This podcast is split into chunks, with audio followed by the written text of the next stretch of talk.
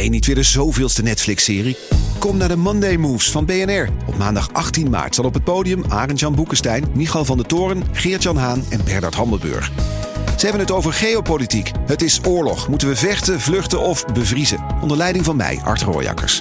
18 maart dus in het De La Mar Theater in Amsterdam. Check bnr.nl slash mondaymoves. Leuk dat je luistert naar Gonzo. Misschien goed om te weten, vanaf aflevering 42 zijn we te beluisteren op Podimo. Kortie Media. En dat liep uit de hand, dat feestje natuurlijk. En er werd eh, heel hard gedronken. En ik weet nog heel goed dat op een gegeven moment ik eh, naast het fortuin kwam te zitten. En, die, eh, en dat hij mij zijn inmiddels natte, zo'n sigaar zat hij aan te zuigen. En die, dat, dat is helemaal nattig, hè, zo'n sigaar. En die, die draaide die sigaar zo om. En die stopte die zo hop in mijn mond. En van, eh, zo, kom jij straks met mij mee? Dit is Gonzo, de podcast waarin we praten met journalisten over dat ene verhaal uit hun carrière dat ze altijd is bijgebleven. Dat kan zijn omdat het een scoop was, omdat het opzienbarend was, riskant, gelauwerd, ontroerend of onthullend. Of gewoon omdat het een goed verhaal was. Of nog niet klaar. Kijk, of nog niet klaar. Mijn naam is Merel Westerik. Tegenover me, hoorde normaal Frans Lomans, oud-hoofdredacteur van Sportweek Panorama en Nieuwe Revue. Frans, simpel recept. Eén journalist hier naar de WPG-studio's. Het verhaal moet gepubliceerd zijn. En voor de rest hebben we geen andere vereisten. Nee hoor, we moeten er eh, diep ontzag voor hebben. Voor het verhaal wat, eh, wat we gaan bespreken. Kijk. En voor de man of vrouw. Ja, en voor de journalist die we vandaag hebben uitgenodigd, eh, heb jij eh, diep ontzag en respect. Sterker nog, je bent groot fan, geef het maar toe. Ja, dus je zult mij niet zoveel horen. Ik zal de hele tijd zitten te knikken van... Wauw, cool. En zo, nee. hij- Ik hij- dan grijp ik in, want daar neem ik geen genoegen mee. Je kan niet hier alleen Nee, maar nee, in nee, bewondering hem nee, aanstaren. Nee, dat, dat begrijp ik. Maar hij heeft een van mijn favoriete non-fictieboeken in Nederland geschreven. Nina heette dat boek. Ja. En dat vind ik werkelijk ongelooflijk. Ja. Ging over Nina Brink. En eh, ik heb het gelezen toen het uitkwam. Ik heb het eind vorig jaar nog een keer gelezen. Vond ik het nog beter. Heeft het dan destijds helemaal doorstaan. Dus eh, iedereen die dat boek niet koopt en leest, eh, is een dief van zichzelf. Wat is er zo goed aan? Eh, de details, waar eh, onze gast echt een meester in is. Hè? Het opsporen van details waarvan je denkt van wauw, hoe kan dat? Hoe weet hij dat? Wie heeft hem dat verteld? En eh, de combinatie van meeslepend en analytisch tegelijk. Hè? Dus nee, zullen we hier maar ophouden? Anders, ik, ik, kan, niet, ik kan best een uur over onze ik- praten hoor. ik- Dan ja. hoeven we hem niet aan het woord te laten. eh, tijdens het eind van, eh, van het gesprek verwacht ik toch dan van jou nog misschien nog één vraag over een detail in Nina waarvan jij wil weten hoe die eraan is gekomen Oh, daar misschien. zit ik hier de hele tijd over te denken. Nee, dat hoeft niet. Nee, dat weet ik. Je kan het dat ook ben je vergeten. alweer lang vergeten tegen die tijd. Hè. Zo jong eh, ben je ook niet meer. Ik schrijf het nu op. Goed, we gaan naar onze gast. In de studio dit keer Erik Smit. Hoi. Erik, welkom. Goed dat je er bent. Ja, Eh, nou ja, zeer vereerd natuurlijk. En eh dankjewel Frans voor al die aardige woorden alvast. ja. Ja, we gaan eh, even beginnen met een kort cv. Je begon je carrière als semi-professioneel squashspeler. Daarna werkte je even in het bedrijfsleven. Al snel maakte je de stap naar de journalistiek. Je kwam terecht bij Maandblad Quote. En je maakte furoren als de man die eh, World Online CEO Nina Brink eh, het bloed onder de nagels vandaan haalde. Laat ik het even zo zeggen. Daarna sprong je in het diepe. Je richtte het nieuwe dagblad De Pers op. In 2010 alweer startte je het onderzoeksjournalistieke platform Follow the Money. Ja. Eh, op hoeveel betalende leden zitten jullie om en nabij vandaag de dag? Bijna 41.000.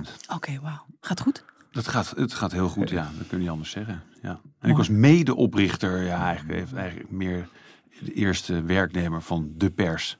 Waar ik bij heb gestaan en eigenlijk bij die oprichting heel nauw betrokken ben geweest. Maar er zijn anderen geweest die het echt gedaan hebben hoor. Oké. Dat Bescheidenheid staat zie je genoteerd. Ehm, tussendoor won je ook nog een tegel. In 2017 werd je journalist van het jaar. Indrukwekkend cv, toch? Vind ik. Nou, da- dankjewel Merel. Ja. Had je verwacht dat Follow the Money zo goed zou uitpakken? Nou, niet, eh, want je, je, het, is, het is moeilijk om eigenlijk ja, daar verwachtingen van te hebben. Je, je probeert eh, er het beste van te maken onder de omstandigheden. En ik vond uh, samen met Arne van der Wal in 2010, 2009, toen we er eigenlijk mee uh, aan de gang gingen, en destijds ook nog Mark Koster, die, bij, die erbij betrokken was, dat, dat het nodig was om een platform voor onderzoeksjournalistiek op te richten. En ja, dan heb je natuurlijk ergens wat heel dwing je jezelf omdat je een bedrijfsplan maakt, dat je een soort van idee hebt van wat de toekomst gaat brengen. Maar we hadden destijds niet eens een idee van het verdienmodel. Dus dat, dat kwamen we pas uh, jaren later achter dat we daar naar een ledenmodel toe moesten. Op, uh, ja, geïnspireerd door de komst van de correspondent. Ja. En dan denk je ook van ja, hoeveel leden zullen wij dan gaan halen en hoe groot gaat het worden? Dus dan in het begin durfden we niet eens over 20.000 leden te dromen. Joh. Dus dat, en dan zijn er nu al meer dan het dubbele. En, hè, dus inmiddels durf je wel sneller dingen te dromen, omdat je denkt dat, omdat je ziet dat je het ook kan. En wat is de droom nu? Europa in. Ja? ja. Europa. Ja. Ben je serieus? Serieus, ja. ja dat is heel, we hebben, ze hebben al sinds anderhalf jaar een kantoor in Brussel. Uh, om juist die plek uh, te onderzoeken waar eigenlijk amper onderzoeksjournalisten rondlopen. En waar de macht zich toch Maar wel waar de macht zich ophoudt natuurlijk ja. voor een belangrijk deel. En ook beïnvloed wordt die macht. En uh, dat vinden wij heel belangrijk. En ik denk dat ook Follow the Money zich bij uitstek leent. onze methode en ook de naam. voor internationale journalistiek. Dat wil zeggen dat wij het ambiëren om eigenlijk een van de eerste echt pan-Europese journalistieke merken te worden. Die heb je eigenlijk helemaal niet. Hè? Nee. Je hebt heel veel kranten. Natuurlijk moet je allemaal nationaal ja. grondvest. En ik denk dat de enige media in Europa die nou echt een beetje op dat ja, daar uh, aanspraak op kunnen maken op dat predicaat uh, pan-Europees zijn eigenlijk Britse media. Die hebben ook een nogal financiële achtergrond. Financial Times en The Economist. Hè. En, uh, die hebben echt dat grensoverschrijdende, uh, in, in, letterlijke zin. Hè. En, en dat, en, en dat, maar voor de rest heb je eigenlijk niks. En dat is eigenlijk best wel gek dat je in, Europa dat natuurlijk toch ja, de ambitie heeft natuurlijk een, een, geheel te vormen. Dat, je, dat die journalistiek tegelijk vaak bij die landsgrenzen ophoudt. Ik vind het ook al een grote droom.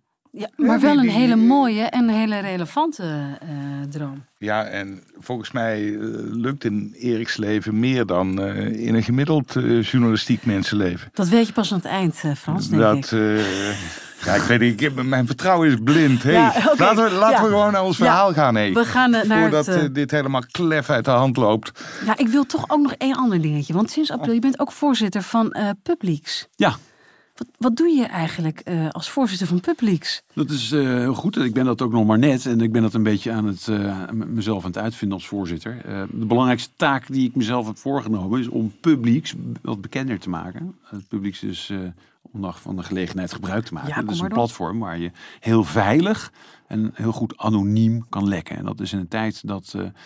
Uh, zelfs in Nederland, dat uh, ja, klokkenluiders nog steeds een, uh, ja, ja, hun leven niet zeker zijn. Dat is natuurlijk overdreven, bij wijze van spreken. dat geldt gelukkig niet in Nederland, maar in ieder geval, zodra hun naam bekend wordt, kapot geprocedeerd ja. kunnen worden of carrière het slop zien ingaan. van groot belang dat, dat, dat klokkenluiders een plek hebben waar ze veilig kunnen lekken. En, en dat het ook echt volstrekt anoniem kan. En dat is Publix. En, en ik draag daar graag in ja, onbezoldigd uh, iets aan bij om, om dat, uh, dat, dat streven bij meer mensen bekend te maken.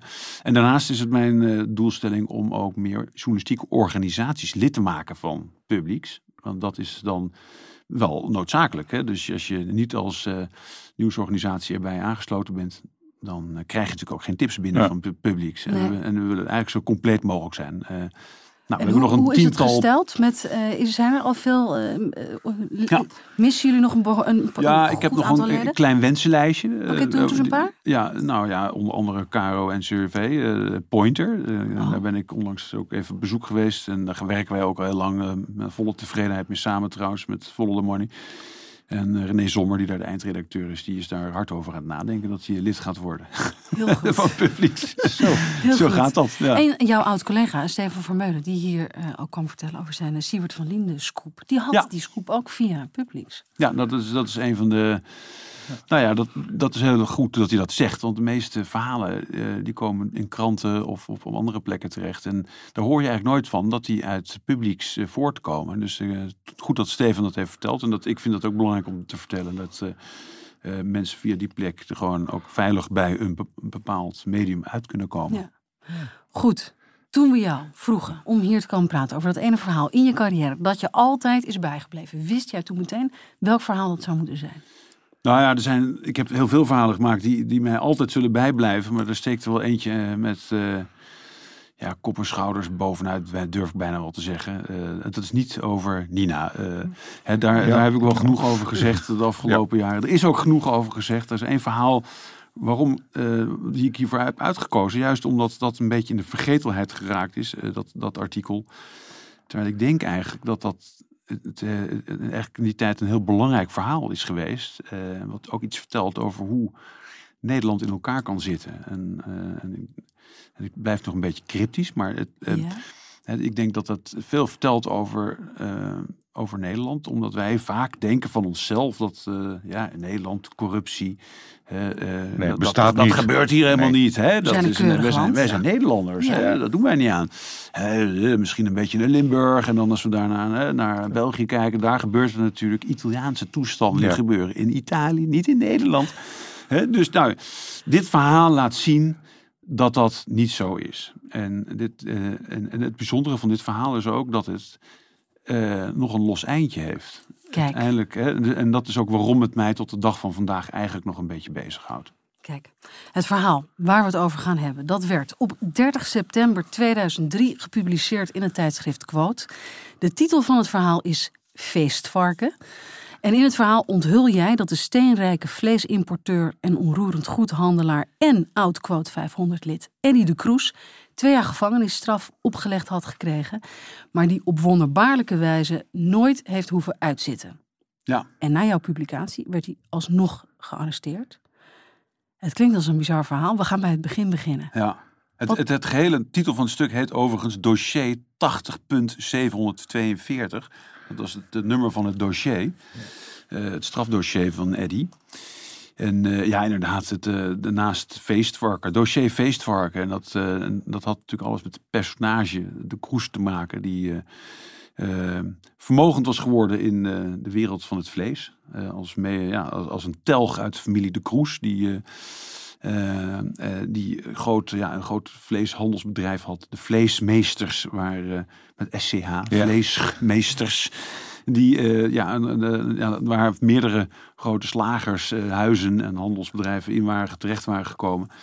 En die in de jaren zeventig op grote schaal BTW-fraude hadden. Ja, daaraan zondig, hadden bezondigd, zeg maar. Even, even om de persoon Eddie de Kroes eh, te schetsen. Jouw verhaal begint met een heerlijke beschrijving van de man. Ik lees het heel even voor. Feestvarken de Kroes beweegt zich al jaren met de inzet van een Chinese lopende bandwerker door nevels van champagne, bruis en sluiers sigarenrook. Van haringpartij naar luisterrijke opening, van polofeest naar Joods gala en van borden gestoomde tarbotfilet naar schalen kwartel-eitjes met beluga caviar. Zo, wij zijn thuis. Zo, Ja. zo'n man was Ja. Eddie de Kroes. Ja, zeker. Ja. Kijk, eh, eh, zo'n, het praat over twintig jaar geleden. Je noemde 30 september. Dat is dat staat inderdaad bij boven het artikel in, in de LexisNexis. Het, eh, het, het is natuurlijk een maandbladquote. En dat kwam eigenlijk altijd net iets eerder uit Ja. dan de maand waarin het... eh, dus het, het, het artikel verscheen eind augustus eh, 2003. Eh, ik denk dat het tot 20 augustus ongeveer verscheen. En toen lag het ook in de winkels. En eh, nou ja, wat in die tijd speelde, dat is Eddie was inderdaad een gevierde eh, en bekende eh, ja, eh, socialite. En maar ook vooral een vastgoedondernemer. Daar stond hij inmiddels wel onbekend. En hij was in die tijd gezien ook als, als iemand die de LPF een, een warm hart toedroeg. En mede-eigenaar van Hotel Design. Dus eh, in Den Haag, Lange Voorhout. Dat wij met een aantal andere mensen bestierden. Waar hij de legendarische Matahari-parties organiseerde. Eh, waar ja, veel van de LPF-gezinden eh, elkaar troffen. En uiteindelijk ook het, eh, ja, het, het, het- de lijntjes bij elkaar kwamen. LPF nog even. Voor, Lijst eh, Pim Fortuyn. Ja. Precies. Ja. En hoe, en hoe hoor jij voor het eerst van Eddie de Kroes? Want wat is het beginpunt van dit verhaal? Ja, nou ja, kijk, voor mijzelf was Eddie de Kroes al eh, veel langer een bekende. Want ik kwam zelf ook wel eens op zo'n Matahari party. eh, eh, waar ik inderdaad ook wel eens eh, aan een, eh, door champagne nevels heb bewogen. En daar ook wel van nippend. Die kwartel-eitjes liet ik dan wel liggen. Voor je maar, ja. die, eh, Hè, dus, eh, en ook eh, menig eh, eh, ja, haringfeest heb ik bezocht eh, toen de tijd bij Quote. Want dat was dat, eh, Jort vertelde ons, jongens, jullie moeten... Jort, eh, Jort Jort Kelder, Kelder. toenmalige hoofdredacteur, Ja. die zei tegen ons, joh, je moet, eh, je moet wel weten waar je over schrijft. En waar die, eh, waar dat, eh, die, die biotoop waar je over schrijft, de rijken, eh, de, de vermogenden, de, de succesvolle zaken, mannen en vrouwen. Die bewegen zich op dit soort feestjes. Ontmoet ze, ga ze bekijk ze. Door ze te zien en door ze te beschrijven en door ze te kennen, door ze af en toe een glaasje met te drinken, leer, je, leer je die wereld kennen. Goed, kan goed dat- advies. ja, dat zeker. Ja, nee, dat, ik, ik, eh, ik, ik, heb dat nooit betreurd. Bovendien heb ik ontzettend veel lol gehad daar ook. En heel veel mensen goed leren kennen. En dus Eddie was al jaren eh, een goede bekende. Sterker nog, op een van de allereerste feestjes waar ik op aanwezig was, zat Eddie aan de tafel. En dat was op Koninginnennacht 1999. Ik werkte toen net een paar maanden eh, voor Quote. En ik werd uitgenodigd door het toenmalige eh, communicatiebureau Sparrow and Partners. Eh, nee, dat heette toen nog Sparrow en Roeland. Want Jan Roeland was toen nog samen met Jeroen Sparrow. eh, en die hadden een, een communicatie- en PR-bureau. En die hadden een tafel met daaraan eh, gezeten Pim Fortuyn. en inderdaad de vlees, CQ, onroerend Edith Kroes en ondergetekende en nog wat anderen. Waaronder Jannetje Koelewijn van NRC, die er ook een leuk stukje over schreef die dag. En dat liep uit de hand, dat feestje natuurlijk. En er werd eh, heel hard gedronken. En ik weet nog heel goed dat op een gegeven moment dat ik eh, naast Fortuin kwam te zitten.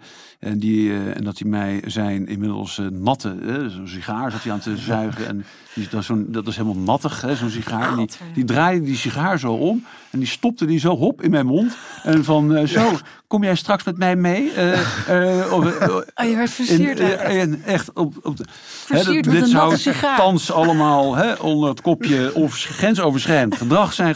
Enfin, Maar dat vonden we toen helemaal dat niet. vonden we toen helemaal niet. Dus eh, nou, ik liet mij dat aanleunen inderdaad. En, eh, Jij ging met hem mee. En ik, ik ging met hem mee. En- nee, dat gebeurde Een paar niet. dagen gebleven. Maar om een beetje de sfeer te schetsen van eh, mijn. En, en, en die tafel, daar zat Eddie. Daar, heb ik hem voor het eerst ontmoet. En eh, nou, dat, eh, dat is dus eh, ruimschoots ja, vijf jaar daarvoor.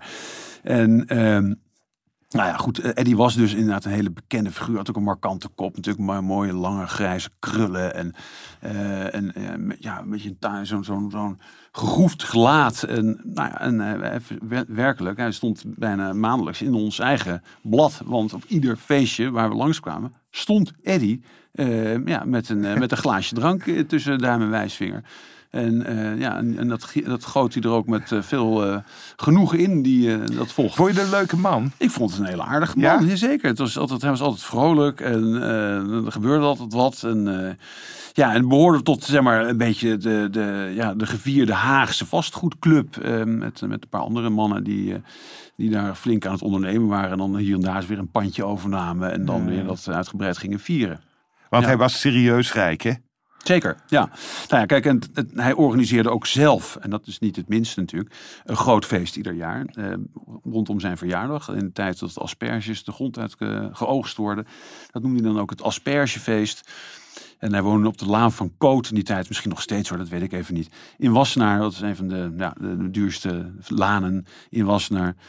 Eh, het, in, het, een prachtige villa met eh, en in een achtertuin eh nodigde hij honderden mensen uit. En dan werd het aspergefeest gevierd. Ook liep geweest? daar, ben, daar ben ik nou nooit geweest. maar dus de beschrijving daarover in het artikel die je aantreft heb ik uit anderen, van anderen vernomen.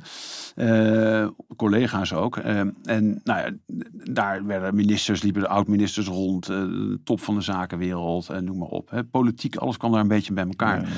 En dus dat, dat was het eh, bijzondere van Eddie. Dus je denkt, ja, eh, deze man, eh, dat was natuurlijk voor, voor, voor Quote een zakenblad, een glanzend zakenblad, een, een, een glossy, dat is natuurlijk eh, materiaal. En zeker als je dan op een gegeven moment achter iets komt, Ja. dat, dat natuurlijk helemaal de voorhoofden laat fronsen. Maar waarom begon je een onderzoek naar Eddie? Nou, omdat ik natuurlijk een, eh, een goede tipgever had. En de meeste verhalen die ik in mijn leven heb geschreven, vandaar dat ik ook een, een- de publiek zijn wart, warm hart toedraag, komen uit, eh, uit, uit monden van klokkenluiders in eerste instantie. En zo ook hier. Hoe kwam die tip tot je? Eh, via iemand die uit de wereld afkomstig was eh, van, van, van de Kroes en die hem goed kende.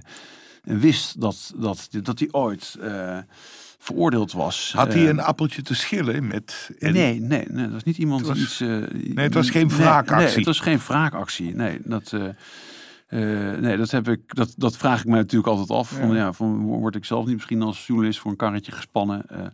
Goed, nou zijn er altijd mensen die, los van of ze een appeltje te schillen met, een, met iemand hebben of niet, toch rancuneus kunnen zijn. Of het gewoon iemand een kloot zou kunnen vinden. Of vinden dat nou, een ander belang mee is gemoeid. Maar was het een tip die met, met een slok alcohol te veel op, eh, over iemands lippen vandaan opeens spontaan kwam? Nee. Of was het echt een tip die bedoeld was als een serieuze een tip serieuze naar tip. jou toe als Ja. journalist? Zo van, hier moet je eigenlijk iets mee doen. Ja, dat klopt. En en met die persoon heb ik later eh, afspraak gemaakt. Want die kwam ik inderdaad een keer ergens tegen. En zei van, nou, die vond die plek waar we toen waren... Inderdaad, dat was volgens mij inderdaad op zo'n eh, zo'n borrel ergens. Nou, dat was niet de plek. Zo, ik wil toch graag een keer met je afspreken. Ik heb iets, eh, iets... En nou, dat nam ik serieus. eh, want ik, die man die wilde echt iets vertellen. Het was een man. Slagerswereld lopen ook vooral mannen rond. Ja. En, ehm, Hoe zou dat en komen? in die tijd, hè, dat is natuurlijk allemaal heel anders tegenwoordig waarschijnlijk. Maar in, dus die, die, ja, daar ben ik voor gaan zitten. En, eh, en inderdaad, eh, daar kwam met veel kennis van zaken en, en detail ook eh, een verhaal uitrollen. Waarbij hij vertelde dat eh eh, Eddie het eh, inderdaad eh, eh, eh, ja, aan het kortste eind had getrokken. En dat die zaak... eh, Wat vertelde hij jou? Even nou ja, exact. en, hij zei van, joh, eh, weet dat Eddie de Kroes ehm, veroorde- veroordeeld delinquent is. En, en dat die, die, had, die had in de gevangenis moeten zitten voor twee jaar. En die heeft zijn gevangenisstraf nooit uitgezeten. Nooit één dag in de gevangenis gezeten, zei hij. Dat bleek niet helemaal te kloppen overigens. Maar En veroordeeld vanwege? vanwege eh, ja, eh, eh, fiscale fraude met, met, met vleesimport vanuit Zuid-Amerika. En daar was ook het bedrijf Vleesmeesters de kampioen in, zeg maar. En nou ja, waar, was het een tijd die, eh, dat is nog- steeds zo, eh, dat, dat in, die, in die handel, in, in die wereld, de marges flinterdun zijn. Ja. Eh, maar dat er natuurlijk ook nog importtarieven werden geheven en alles. en dat speelde zich allemaal in de jaren 70 en begin jaren 80 af. Hij, hij was de onbetwiste baas van vleesmeesters. Ja, nou ja, het is dus, dus zijn, zijn vader, Gerardus Jacobus de Kroes, eh, eveneens, eh, zo, zo heet eh, Eddie dus eigenlijk ook, die, die, was, die heeft natuurlijk feitelijk het bedrijf opge- opgericht. En in de tijd dat, dat het groot is geworden, is Eddie is naar voren geschoven als de man die, die het ging overnemen. En hij, hij was echt wel een, een, een, een, zakelijk uitstekend onderlegd en, en, en wist het bedrijf tot grotere hoogte te stuwen. Eh, maar dat ging, dat ging dus gepaard met eh, de nodige eh, ja, linkerhandel. Link, om die marge maar te kunnen verhogen, moest je natuurlijk wat trucs uithalen om dat te doen. En dat was onder andere door te frauderen met btw-heffingen en invoerheffingen. Nou, dat is gebeurd. Dat is vastgesteld door de rechtbank. Zo- vertelde de bron dat. Maar gek genoeg heeft Eddie daar nooit eh, voor in de bak gezeten. Nou was het voor mij toen al een grote openbaring dat überhaupt Eddie een gevangenisstraf had Ja, eh, aan, aan zijn kont dat gehangen. begrijp ik. Want dat was eigenlijk niet iets wat buiten echte zeer intieme kringen in Wassenaar bekend was. Dat was al, die, die gevangenisstraf was in 87 opgelegd. Nou, we waren heel wat jaren verder. En dan, ja, dat, dat vervaagt dat, hè, die, die kennis daarover. En er waren echt nog maar een handvol mensen die daadwerkelijk, die ik later vroeg, eh, die nog wel daar iets over konden vertellen. Ja, dat is ook zo. En ze dat nog wel konden herinneren. Ja, ja inderdaad. Want jij En- bent gaan, dat is het eerste. Wat, is dat het eerste wat je bent gaan doen? Gaan rondvragen? Nou ja, ga- je gaat in het netwerk eh, eh, zoeken natuurlijk. Ja. Je bent op zoek naar, om te beginnen natuurlijk het, het slagersnetwerk. Want ik, had, ik wist natuurlijk dat hij actief was in het vastgoed. Maar dit ging over het eerdere deel van zijn leven. En hij had in die tijd nog steeds eh, eh, bedrijven die actief waren in, in, in, in die wereld. Eh, een van die bedrijven heette Monte Carne. Eh. Vleesberg. Ja. dat is heel, heel chic gekozen. Smakelijk. ja. Ook met het oog op Monte Carlo, CQ, ja, belasting. Maar, enfin, Mo- hè, mo- dat- mooie dat- combi dat- van glamour en eh ordy. Precies. Ja, en met, eh, wat, met welke vraag trok je dat vleesnetwerk in?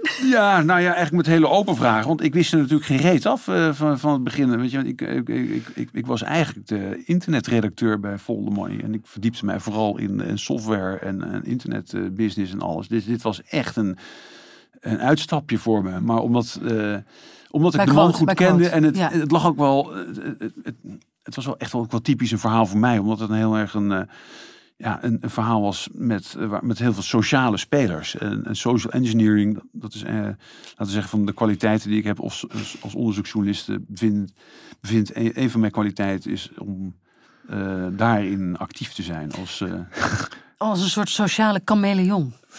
Ja. Dat ga jij goed.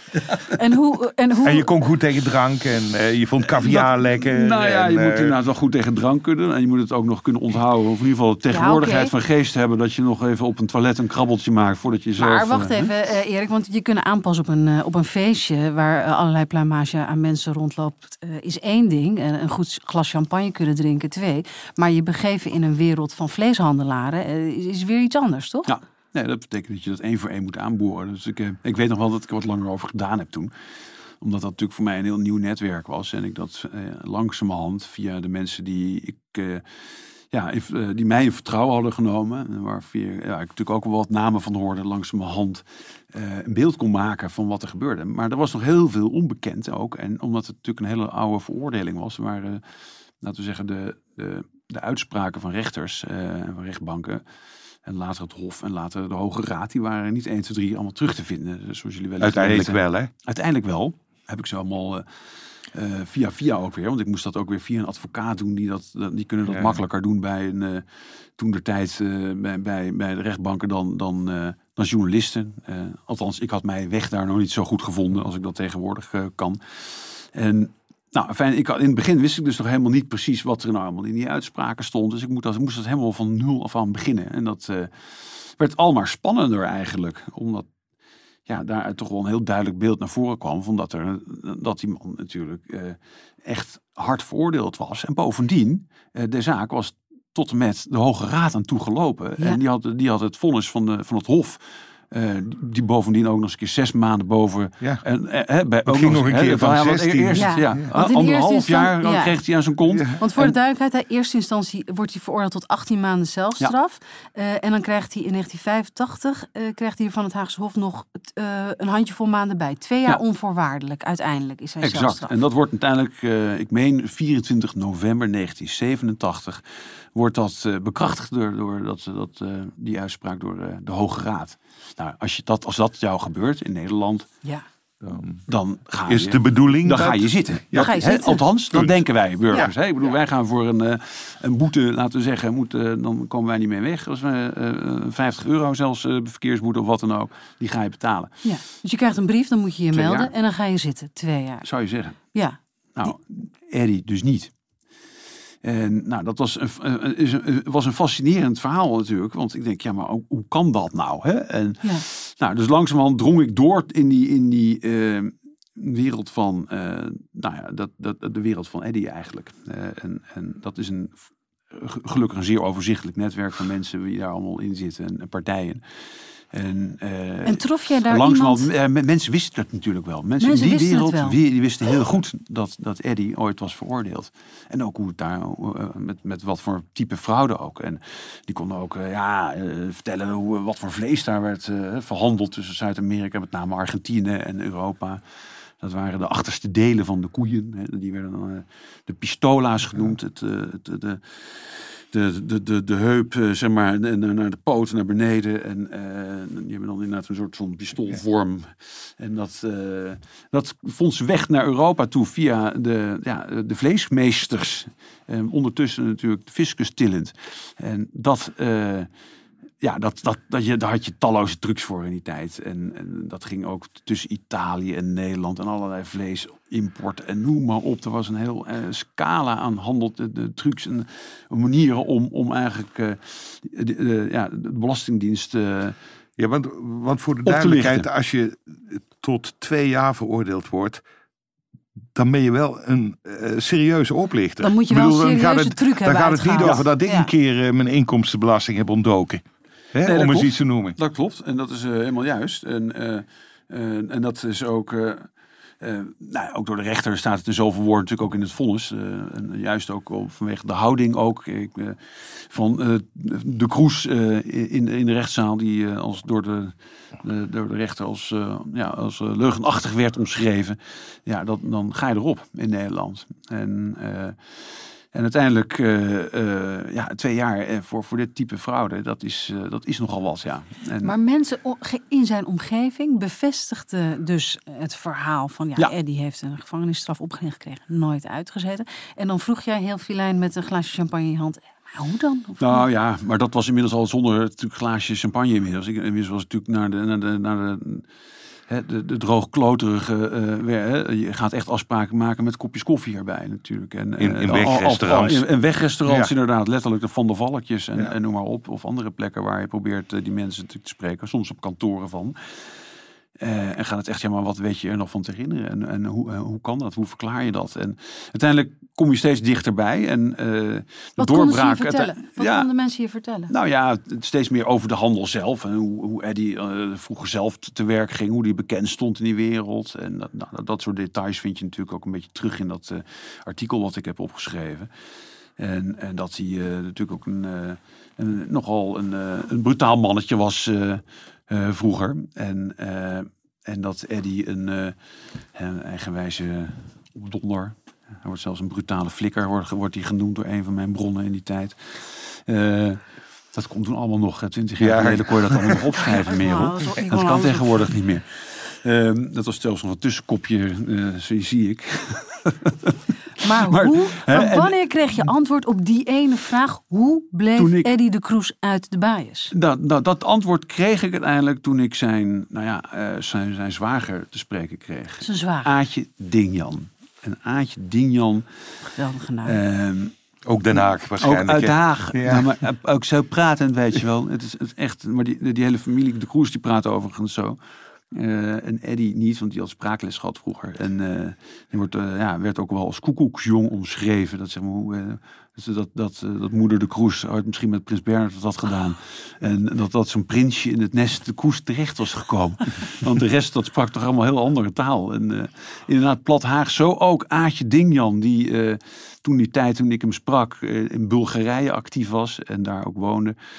Eh, ook als, als vleeshandelaar? Of? ook nog steeds actief in, eh, in, in, eh, in, in de vleeshandel, maar die zelf ook met justitie in aanraking was gekomen.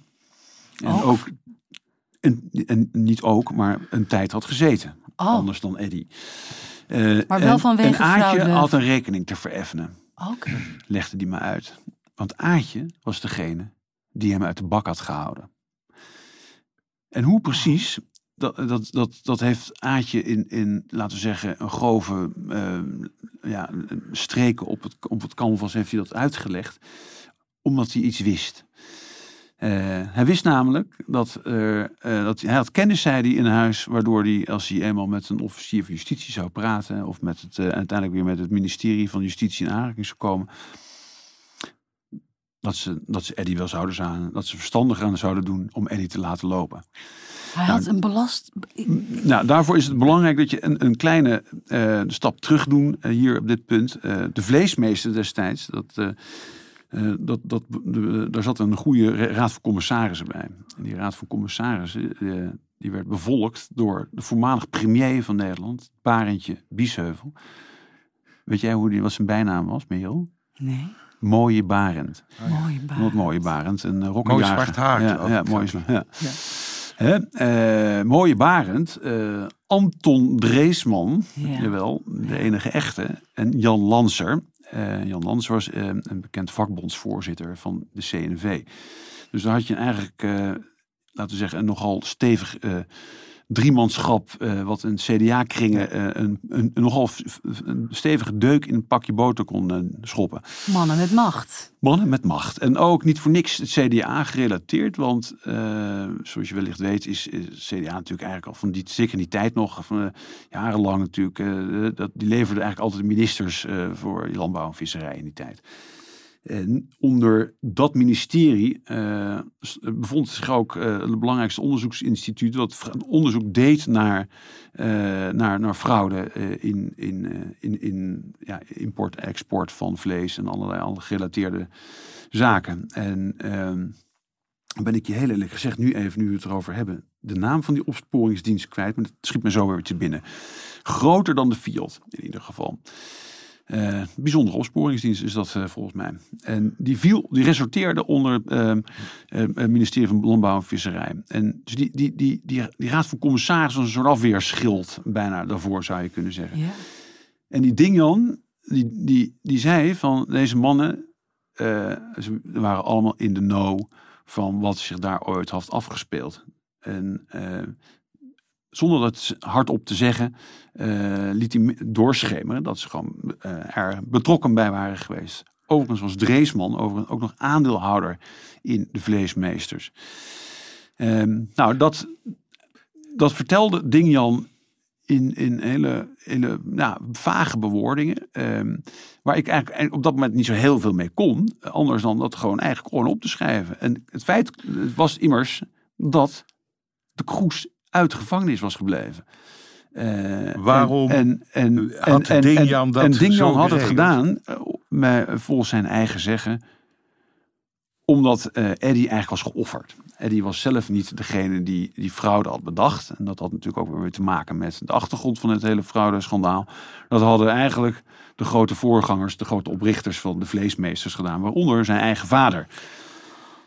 En Eddie eh, was als eh, de nieuwe baas van eh, het, het, het, het vleesbedrijf naar voren geschoven als katvar. En hij heeft uiteindelijk ook de, ja, de klap opgepakt.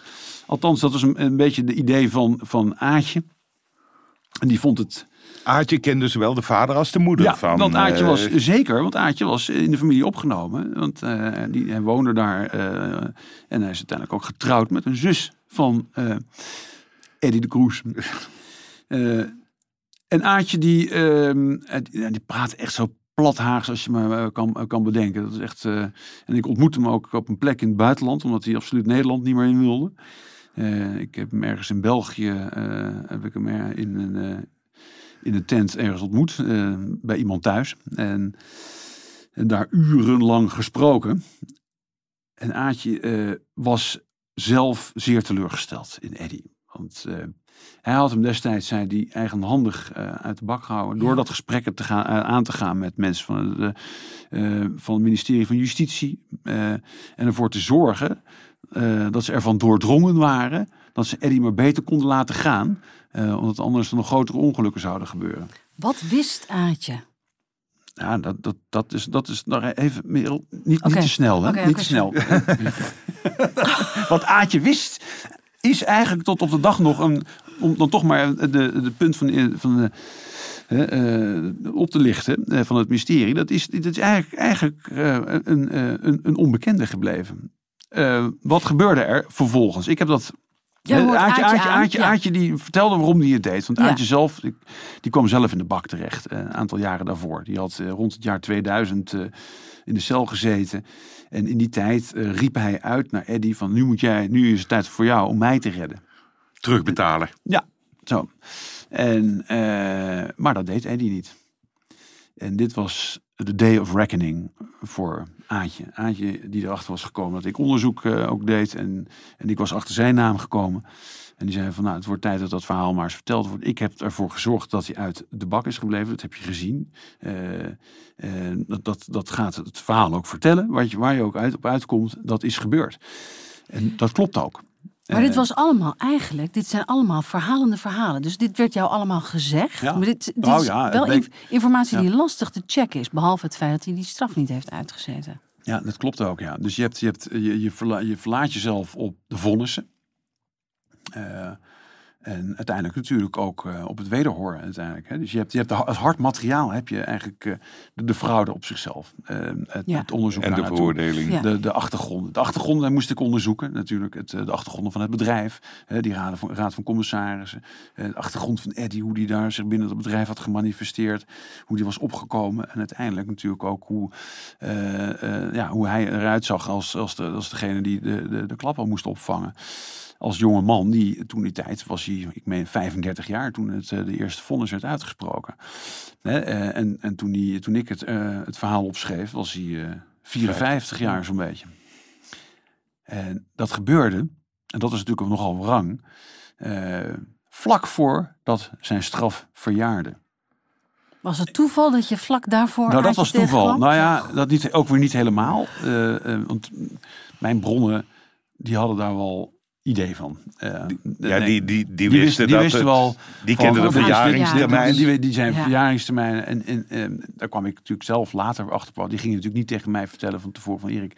Het is verjaar bijna, nu moet opschieten. Anders Ja. Nee, als je nu nog, als je Eddie nog in de bak wil krijgen, moet je, moet je, moet je opschieten. Zo ging het niet. Nee, uiteindelijk benaderde ik daarvoor de, de advocaat, de toenmalige advocaat van, eh, van Eddie de Kroes. Dat was Ja. Gerard Spong. En dat was wel een grappig moment, want ik had hem aan de lijn en zei van ja, dat vonnis. En ik vroeg eigenlijk, zei van, ik had hem eigenlijk helemaal niet goed eh, opgezocht. En ik zeg eigenlijk, ik vroeg het aan Gerard, ik zei, wanneer is die straf dan eigenlijk verjaard? Ja, dan zegt hij, dat is een goede jaar. Dus ja, wanneer is hij veroordeeld? November 87, dus 16 jaar. Ja, dat is dus over een paar maanden. Hè? Dus ik, eh, ik was toen nog bezig in de zomer, dus dat is eh, november van dit jaar. Dus ik, ik zat te tellen, holy shit, dus dat blad komt uit in september. Dus dat, dan, heeft, dan heeft justitie nog twee maanden om die man eh, ja, van de straat af te plukken. Ja, en alsnog in het zetten. gevang eh, vast te zetten. Kan hij alsnog zijn gevangenisstraf uitzitten van anderhalf jaar. Want hij had ook alweer zes maanden gratie gekregen. Via ook een heel bijzondere zijpad van dit verhaal. Dus dat verhaal tekende zich op die manier af. En denk je maar, dit is, dit is een krankzinnige vraag. Eh, hè? Hoe, hoe kan dit? Ja, En, en, en dat bleek vast te staan. Inderdaad, Ja. want eh in, eh, Eddie zelf had ook vaak aangegeven... nee, ik heb nooit in de bak hoeven zitten. Ehm, ik ben uiteindelijk... Ja, want ik wil en- even, even de wederhoor, want je hebt dit allemaal. Vervolgens, Ja, nee, ik had hem natuurlijk al heel vaak ge- gebeld. En op een gegeven moment, ja, hij wist natuurlijk ook al dat ik, dat ik ermee bezig was. En het bijzondere was dat, eh, dat wij op een zeker moment een redactieborrel hebben. In het huis van Jort in Nichtenvecht. Hoe- eh, Huizen Zwaneswijk. Ik weet niet of je dat eh, kent, dat, dat Nichtenvecht. Dat, langs de vecht loopt een, heb je ergens een paar van die mooie buitens. En, en, en nou, daar had Jort in die tijd een verdieping. een, een appartement met een prachtig balkon. eh, dat uitzicht bood natuurlijk uitzicht over, over, over de vecht. En daar hadden we een redactieborrel. Ik zelf overigens net toevallig weer niet aanwezig was, maar de rest van de redactie wel. En wie meldt zich daar? Uiteindelijk Eddie de Kroes. Eddie de Kroes zelf. Die komt met zijn eh, Mercedes 600 SL, weet ik veel. Komt hij aanzetten en laveloos die redactieborrel, waarvan hij wist dat hij wist dat hij er Hij was. kwam al laveloos aan, hè? hij, kwam, hij kwam laveloos aan. ja. Hij was wel echt wel eh, fl- flink beschonken. En, eh, en, eh, hup, dus wij wisten dat dat verhaal, dat, dat, dat, dat stond in de stijgers. En dat was al bijna zo goed als af op dat wederhoor na. Ja. Wat ik nog steeds niet binnen had gekregen. Ja. Maar Eddie kwam het zo aanleveren. Want Eddie bood haar aan, en dat is een soort van een laatst desperaat offensief om dit verhaal uit quote te houden tot en met kerst. Hij zegt, jongens, als ik geef jullie alles, eh, maar voor de kerst, niet eerder. Hij wilde het pas eh, gepubliceerd ja. zien met kerst. na november. Na november. Na november. Ja, begrijp ik. Ja. Dus die stond, en het is ook helemaal niks. En ik heb nog veel leukere verhalen te vertellen over. Ja, had die goede ruilhandel? En, eh, nou, had, eh, vertelde ze, joh, dit is, praat over 2003. Het is eerder dat jaar dat, dat, dat de Amerikaanse strijdkrachten alsnog Irak zijn binnengevallen vanuit Kuwait. En Saddam Hussein natuurlijk in het brandpunt van de belangstelling staat. En hij had nog wel een leuk verhaal over Saddam, want die had die eh, eh, eh, containers vol varkensvlees geleverd. Ha, ha, ha, onder het mom van dit is rundvlees. En nou zo ook heb ik er nog wel meer, en, nou, enzovoort. En, en hij zat daar op, op de rand van het balkon van Jort boven daar. Eh, met, ook weer met een glaasje wijn in zijn handen. Dit allemaal te vertellen. En, eh, en, en ons ma manend tot eh, van ja, hou dat verhaal er maar uit. Want anders verspil je de, de scoop van, het, van, je, van, van je leven. En onderwijl is iemand jou aan het bellen om te zeggen... Erik, je moet nu naar Nichtenvecht komen, of niet? Nou ja, inderdaad. Want ik, had, ik, ik, ik, ik herinner mij niet waar ik op dat moment was, maar ik was ver weg. En ik kreeg inderdaad een paar van mijn collega's aan de lijn. Ze, Jezus, je, hebt- je, hebt je, hebt nooit- je weet nooit wie nou net is binnengekomen wandelen hier. Het is Eddie. Dus ik zeg, nou ja, weet je, ik ga sowieso te laat aankomen. Dus jongens, maak, maak dat verslag en, en, en stel hem eh, goede vragen. Hè? Dus eh, nou... eh, Vraag hem meteen, leg hem het al helemaal voor. ja, dus, maar goed, beaamde natuurlijk dat hij dus nooit had gezeten. En, dat had hij ook al daarna naar anderen beaamd. dat hij dat, en dat op een of andere manier in Nederland, of althans het justitie in Nederland, had uiteindelijk, ja, de, uiteindelijk de uitoefening, of hoe noem je dat, de oplegging van die straf nooit had uitgevoerd. En vertelde hij ook hoe hij dat voor elkaar had Nee, gekregen? dat vertelde hij niet. Dat, eh, dat, eh, dat, dat zou hij dus allemaal In het kerstnummer, in, het kerstnummer aan, aan, aan heel Nederland gaan vertellen hoe dat allemaal was gebeurd. Dat is er nooit van gekomen, dat grote interview.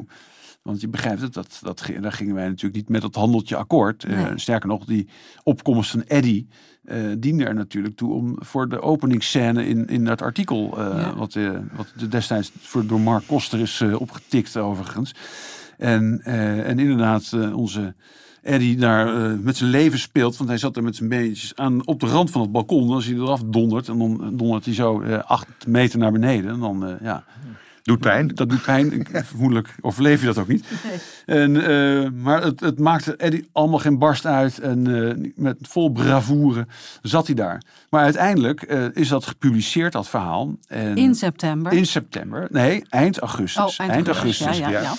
En eh, nou ja, eh, en het deed helemaal niks in het begin, dat verhaal. Hè, dat, dat werd opgepikt door Stan Huygens Journaal als eerste. Dat, eh, Van de Telegraaf, ja. Toen de tijd deed ze De Society rubriek, Paradijs eh, deed dat ja. nog. Hè. Dat was de, die zou ehm, een jaar of twee later hoofdredacteur worden van, eh, van de Telegraaf. En dat was toen nog eh, zijn speeltje, Stan Huygens.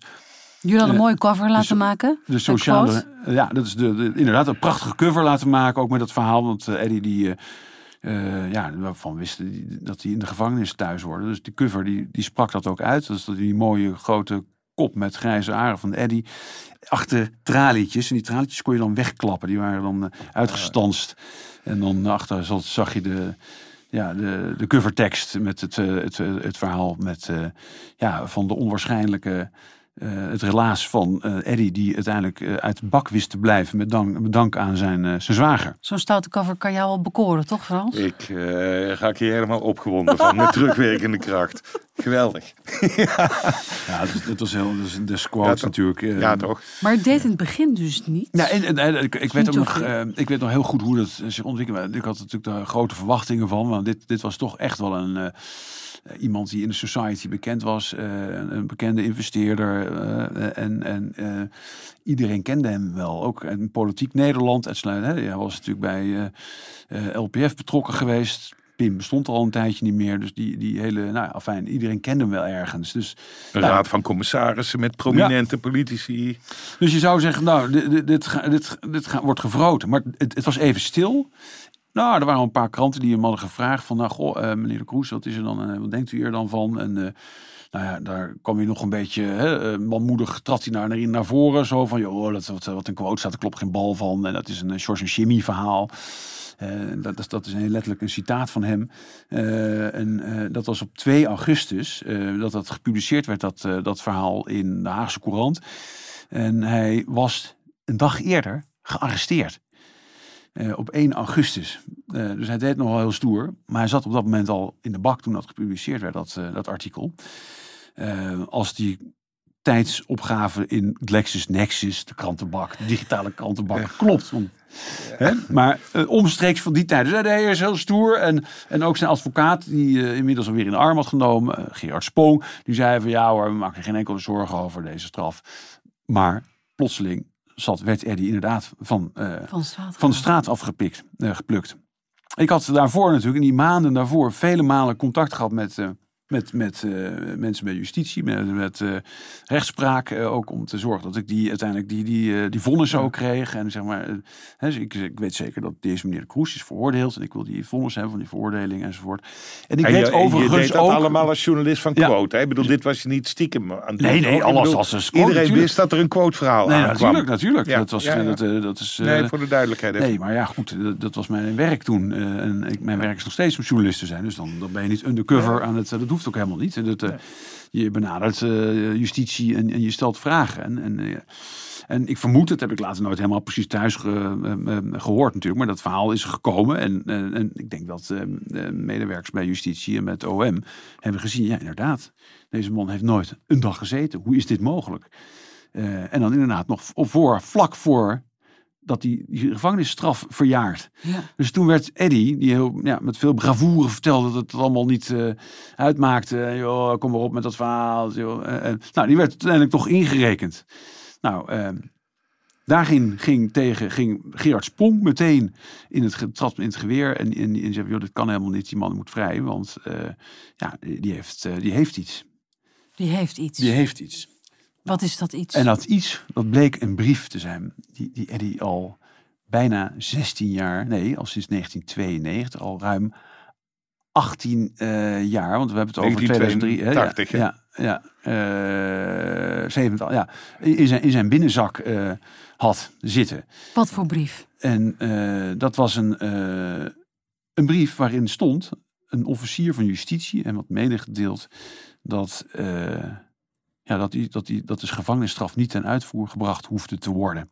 En deze meneer eh, was een meneer Hans Vos, een toenmalig officier van justitie. En in die tijd dat ik dat verhaal maakte, was dat een, eh, eh, een, leidinggevende bij het opleidingsinstituut Prisma. Die opleiding geeft aan officieren van justitie in Nederland. En die had een brief geschreven waarin, die, waarin Eddy eh, ja, gevrijwaard werd. Dus die, die brief kon hij dan altijd, als hij ergens bij de, bij, bij de douane werd aangehouden. Een soort verlaten gevangenis Ja. zonder te betalen bij Monopoly-achtige kaart. Ja, die kon hij dan eh, uit zijn zak toveren en eh, dan laten zien van, nou, hup. Heb je die brief gezien, Erik? Nee, die heb ik eh, niet gezien zelf. Ja, die heb ik, eh, daar heb ik natuurlijk, eh, want die is natuurlijk uiteindelijk in die zaak naar voren gebracht. Die is voorgelezen, die werd daar eh, getoond. En, want, want in die zaak, dan heb ik het over, dat kort geding wat er kwam. Eddie de Kroes versus de staat. Dat stond op, ik meen, t- eh, 3 september al op de rol. Paleis van Justitie in, in, in Den Haag. Volle bak. Iedereen kwam daar. Inmiddels had Eddie eh, al een week eh, eh, in, het gevangenis doorgebracht met wat hij later zou omschrijven met, met, met drugscriminelen en verkrachters en noem maar op. En, en het waren toch wel het, misschien wel de donkerste momenten uit zijn leven. De, de hel. Wat je ook echt inderdaad wel kan voorstellen natuurlijk. Als je eh, vanuit een eh, nou, toch wel een nogal comfortabel leven opeens eh, in een minimalistische vertrekken van eh, de, de gevangeniscel terechtkomt. eh waar opeens geen kwartel-eitjes Ja. meer worden gegeven. En eh, de nevelen niet van champagne zijn, maar van andere geuren. Hè, maar maar, hè, Maar dus hij, brief, ja. hij komt daarin. Ik herinner me nog goed, want hij heeft altijd zo'n mooie kop grijs haar. Ik beschreef het al eerder, maar dat was helemaal. Hij kwam weer werd die rechtszaal ingeleid en het en, het, en, dat drukte plat tegen zijn, ho- zijn hoofd aan. En hij zag er ook echt verschrikkelijk uit, Eddie. En de hele familie die was er. En die hele rechtszaal zat vol. En, eh, en ja, daar werd eh, uiteindelijk door de rechter besloten dat eh, meneer de Kroes op vrije voeten mocht. eh, werd, werd hij gezet, want hij hoefde niet meer te cel in. Eerst moest Vanwege? vanwege die brief, brief. die in die rechtszaal omhoog werd gehouden. Kijk eens wat we hebben hier. En wat was er dan zo belangrijk wat er in die brief stond? Of Nou, wat, hoe rechts, wat, wat was dat voor Nou, soort dat is een, een, een offi- eh, het was ook daadwerkelijk. eh, meneer Hans Vos was een officier van justitie. En eh, nou, de, de, de, de, het, zeg maar, het juridische argument waar die tijd Geert Spong op inzette, was dat een burger die iets van, van, een, van een echte officier van justitie te horen krijgt en zelfs op schrift gesteld krijgt, erop mag vertrouwen eh, dat dat klopt. En die mag daar enige, ja, die mag daar rechten aan ontlenen. Eh, dat is uiteindelijk ook Geaccepteerd. geaccepteerd. Dat duurde nog, nog maanden overigens voordat, dat, voordat die kogel door de kerk inging. Want eerst moest er onderzoek gepleegd worden naar die brief zelf. Was, Of- die, wel, ja. was die wel echt? Was die wel authentiek? Ja. Eh, de meneer Hans Vos die was niet ter zitting aanwezig. Die was toevallig net op die dag op vakantie gegaan. Eh, en eh, vertelde zijn ex-vrouw naar een ver land. Welk land dat precies was, dat, dat, weet, dat heb ik ook nooit achterhaald verder. Ehm, eh, maar die was Dat weken was je, later pas weer weken later pas weer terug. En, en, en Eddie, ja, die, ja, die, eh, die kon het zonder de getuigenverklaring in die dag doen. Dus, eh, en, en dat verhaal werd eh, pas later echt bekend, hoe, dat, hoe die vork in de steel zat. En had Aatje die brief geregeld? Dat, dat is op de dag van vandaag nog een mysterie. Want die Hans Vos, die werd natuurlijk gevraagd. Goh, meneer Vos, hoe kan het dat uw Ja. handtekening op deze brief staat? Wat, wat, voor- wat voor een brief is dat? Waarom heeft u die ondertekend? Hoe, waarom heeft u die überhaupt geschreven? En de eerste reactie van Vos was dat hij nog nooit van Eddie de Kroes had gehoord. En geen, geen idee had wie dat was. on- Ondanks het feit dat hij er slechts een kilometer vanaf eh, vandaan woonde. Hij, woonde, hij was praktisch buurman van eh, de Kroes. En want hij woonde zelf ook in Wassenaar. Ehm, nou, hij wist dat niet. En ik geloof nog wel dat hij dat misschien op dat moment niet zo goed meer wist. Ehm, We vergeten allemaal. eh, wel eens we wat. vergeten allemaal wel eens wat, hè? maar, ehm, hè, dus dat, nou, die, dat geheugen werd wel een beetje opgefrist. Want eh, niet, niet al te lang, eh, veel, veel later, er, erkende hij wel daadwerkelijk dat, ja, dat, dat, mij, dat zijn eigen handschrift was. En Ja. dat, stond, dat stond niet alleen zijn handtekening bij, namelijk ook de- het adres was opgesteld in zijn handschrift. En dat had de Eddie allemaal uitstekend bewaard in een kluis in zijn huis. Dat had hij, en, eh, en de kopieën daarvan droeg hij dagelijks bij zich. Die had hij dagelijks bij zich. In zijn binnenzak zitten. Kun je je voorstellen. Hè? En dan Eddie die dan niet heel stoer doet, maar ook om mij te schelen. Nee, die man heeft jarenlang in angst gezeten dat hij uiteindelijk toch die bak in moest. Met zijn vrijbrief op zak. maar had zijn vrijbrief op zak. Dus, ehm, nou, ehm, het Openbaar Ministerie ging onderzoek doen naar die brief. En eh, nou kwam er dus achter dat het een authentiek ding was. Dat hij echt was eh, geschreven. Maar nou, de, de, de, Er stond er nog een grond in op de basis openbaar- waarvan ah, nee, hij er dan stond niet geen de grond in in. hoefde. Nee, dat was natuurlijk het, het opzienbarende. Dat werd- op geen enkele manier geargumenteerd waarom dat nou zo was. Nee. Oh, bizar. Eh, er stond alleen maar in dus dat, eh, dat, dat, eh, dat er werd afgezien van de ten uitvoerlegging van die straf. Punt. Punt. Zo ongeveer. Ja, ik weet de letterlijke woorden, we- weet ik. Nee. Bewoordingen weet ik niet meer. Ik heb dat hier ergens opgezocht. Het staat hierin, maar ergens, maar ik laat. Hè? En, maar maar eh, dat doet toch ook echt niet toe. Het, het, het gebeurde niet. En, eh, en, en die brief die kwam naar voren. En dat, dat authentieke ding, dat, werd, eh, ja, dat bleek ook daadwerkelijk een, een authentieke brief te zijn. En Ehm, Eddie Cruz bleef uit de En. Annie de Kroes, die kreeg uiteindelijk te horen van de rechter dat hij daar inderdaad recht aan mocht ontlenen. En dat hij, ja, dat hij, dat hij nooit een, een, een dag meer in de gevangenis hoefde te gaan zitten. Dat was uiteindelijk de uitkomst. Collega's van ons, niettemin, die deden de, onder de Telegraaf, die hebben natuurlijk ook nog wat eh, eh, graafwerk gedaan. En, die kwamen natuurlijk steeds dichterbij van ja, waarom is die brief nou hè, ehm, geschreven? En ook daarop had justitie niet het, het sluitende bewijs binnengekregen. Want natuurlijk gingen de vermoedens uit naar die raad van commissarissen. En naar de lieden die daarin zaten. En, eh, en de reputaties die ermee gemoeid waren. En, eh, en dat bleek ook uit het bronnenonderzoek van eh, de Telegraaf, die daar ook zelf had onderzoek naar had gepleegd. en, en die ook daarin zeiden van ja, het zijn Lanser, Biesheuvel en Dreesman die uit de wind zijn gehouden, waardoor Eddie moest bloeden. En daarom hebben ze uiteindelijk toen een kroongetuige zich aandiende. Aatje Ding Jan. En die met materiaal aankwam wat zo belastend was, hebben ze gezegd van nou, dat gaan we maar niet doen meer, die gevangenisstraf. En toen is op een of andere manier de brief verschenen. Was het verhaal van de Telegraaf laten weer. Eigenlijk staat dat natuurlijk allemaal Ja. in mijn eerste Ja, artikel. ja, ja, ja, ja. Hè, Maar, maar, maar heel even voor de duidelijkheid. Die eh, Hans Vos, de officier Ja. van justitie, heeft die brief geschreven, in ieder geval ondertekend. ja. Heb je hem nog Ja, kunnen onderzoeken van Ja. wat was zijn band met de Nee. Behalve Ja. dat hij in dezelfde straat woonde, of met de raad van commissarissen, of hebben in die tijd eh, van alles nog geprobeerd. Inderdaad, een hele netwerk van Vos uitge, uitge, uitge, uitgeplozen. eh, bij ook eh, collega officier van justitie op bezoek geweest. Ik weet nog met Mark Koster dat we zelfs naar Drenthe zijn gereden op een, op een dag. En daar ergens tuinpot opgelopen zijn om een oud collega van, van Vos... eh, eh, aan te bellen. En daar de deur die daar werd open gedaan. Toen hij vertelde dat wij van quote waren. En nou kwamen we om de heer Vos, eh, vragen over de heer Vos te stellen. Dat die deur ook weer even zo hard in ons gezicht Ja. werd dichtgesmeten.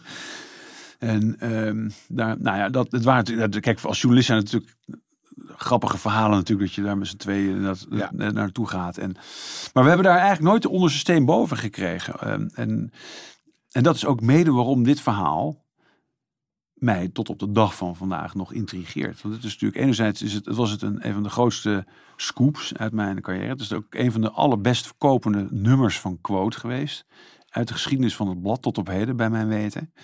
Ehm, Eh, dat, dat blad dat vloog de winkels uit. Want iedereen die wil natuurlijk weten wat er met, eh, met onze bekende Eddie En, was gebeurd. en dat vloog niet alleen de winkels uit, omdat eh Eddie in iedere boekhandel in Nederland alles, alle quotes Nou, wel, opkocht die er hij, waren. en hij, hij had inderdaad, inderdaad ook in de omgeving Wassenaar was hij echt langs de tankstations en boekhandels gegaan om alle stapeltjes quotes die er waren, om die in ieder geval eh, Weg te halen. weg te Ja. halen. Omdat het verhaal toch wel eh, Maar het is, beetje eh, dwars zat. het is in, in die zin, we lachen er ook om. Maar het is natuurlijk, als, het dat, als, het, Ja. als er gewoon een, een verlaat gevangenis zonder te betalen brief is afgegeven.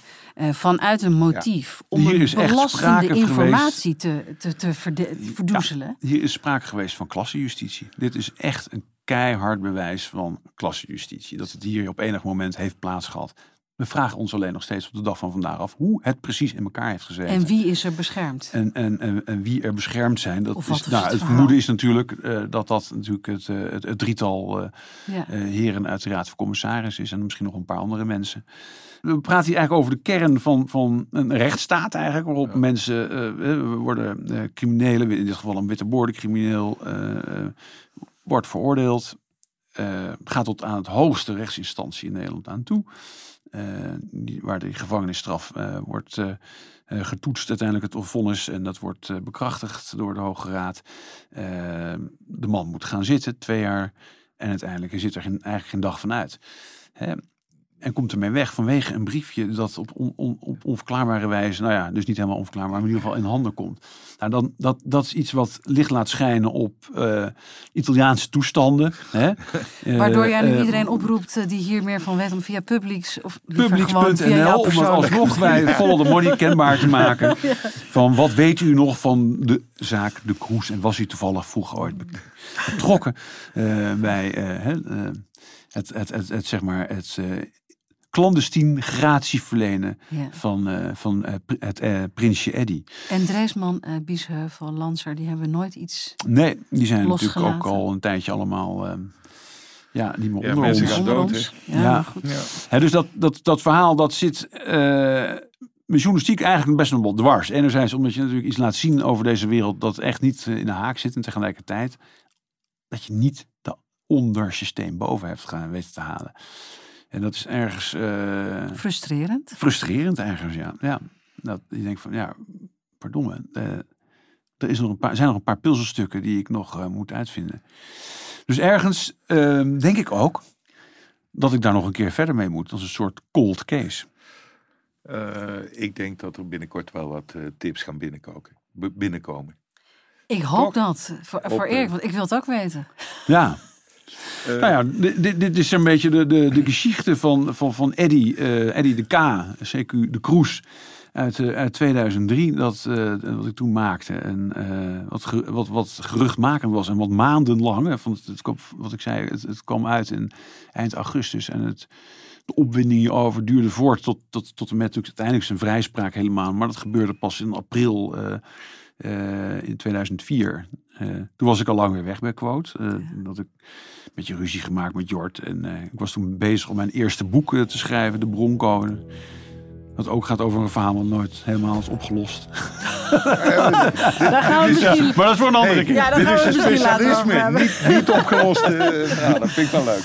Daar gaan we het later nog een keer over hebben. Eh, Erik, wil je danken voor je komst Ja. hier naar de WPG-studio's. Graag gedaan.